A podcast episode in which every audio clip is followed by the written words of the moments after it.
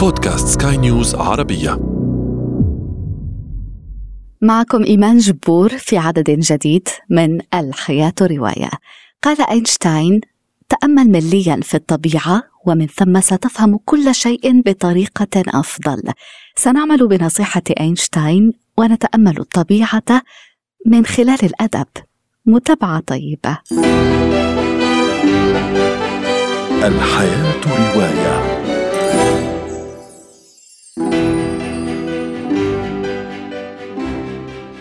ما أجمل راحة البال في حديقة الورد. على رأي نجيب محفوظ في هذا العدد نزور حدائق بين صفحات الأدب. في الأصل لم تكن إليزابيث فون أرنيم الروائية الإنجليزية واسمها الحقيقي ماري أو ماي منحت نفسها لقب إليزابيث بفضل النجاح الذي لقيته هذه الرواية إليزابيث and her German garden. وفي هذه الرواية إليزابيث شابة إنجليزية متزوجة من نبيل تعيش معه في بلده ألمانيا. لكن إليزابيث لم تتأقلم قط في بيئة الحياة الصارمة لنبلاء ألمانيا الأرستقراطية في تسعينيات القرن التاسع عشر. ارتأت بالاتفاق مع زوجها أن تذهب للعيش في منزل كبير يملكه في الريف حيث تنكب على زراعة حديقتها. لم تتخيل إليزابيث أنها ستولد من جديد وتصير حديقة ذلك البيت محور عالمها. تعيش على إعادة الحياة والبهاء إلى الأرض على إيقاع الفصول. نقرأ في الرواية. بوسع الترفيه عن نفسي بمفردي طوال أسابيع ولن أنتبه حتى لوحدتي. شعور بالسلام ذلك الذي اجتاحني.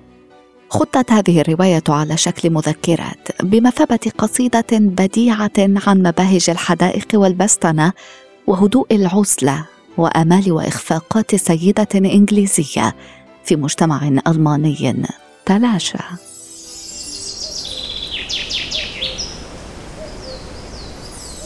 لقاء غير متوقع بين عزلتين بين جيلين مختلفين بين سيدة متقاعدة وفتاة في سن المراهقة.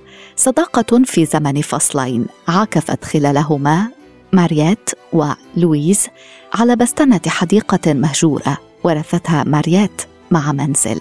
هذا المنزل وهذه الحديقة هما بمثابة استعارة لروح الإنسان لأننا مدينون لأرواحنا بكل الرعاية. وكما نقوم بتقليم الحشائش التي تغزو المغروسات وتهدد بخنق النباتات والزهور. يجب علينا أيضا أن نتخلص من الحشائش الضارة التي تعيش بداخلنا ومن أشباح الألم وخيبات الأمل التي تطاردنا. حتى ننمو ويكتمل تفتحنا وتنضج ثمارنا ونتصالح مع أنفسنا قبل أن نصل إلى الضفة الأخرى. Deux femmes et un jardin ويمكن أن نترجمها ب امرأتان وحديقة للكاتبة الفرنسية آن جوجليالميتي. وربما تكون الكتابة كذلك أكثر إغراء في هذه الرواية.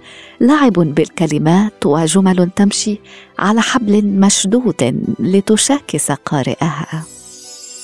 هذه الرواية جوهرة صغيرة أسلوب الصياغة فيها قريب جدا من الطبيعة. في The Secret Garden تجعلنا الروائية فرانسيس هودسون برنيت.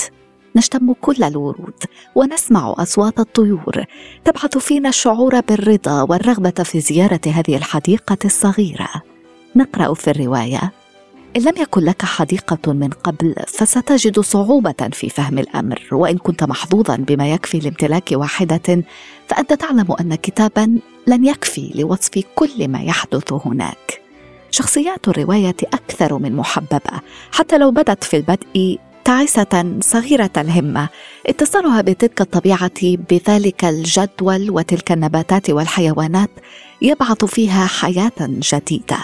الحديقة السرية هي نشيد للطبيعة والصداقة وسحر الطفولة التي بصحبة دانيال وماري. كتب على الرواية أنها موجهة لجمهور الشباب لكنها في الحقيقة تسع الجميع. الحياة رواية. وأشكركم على طيب إصغائكم.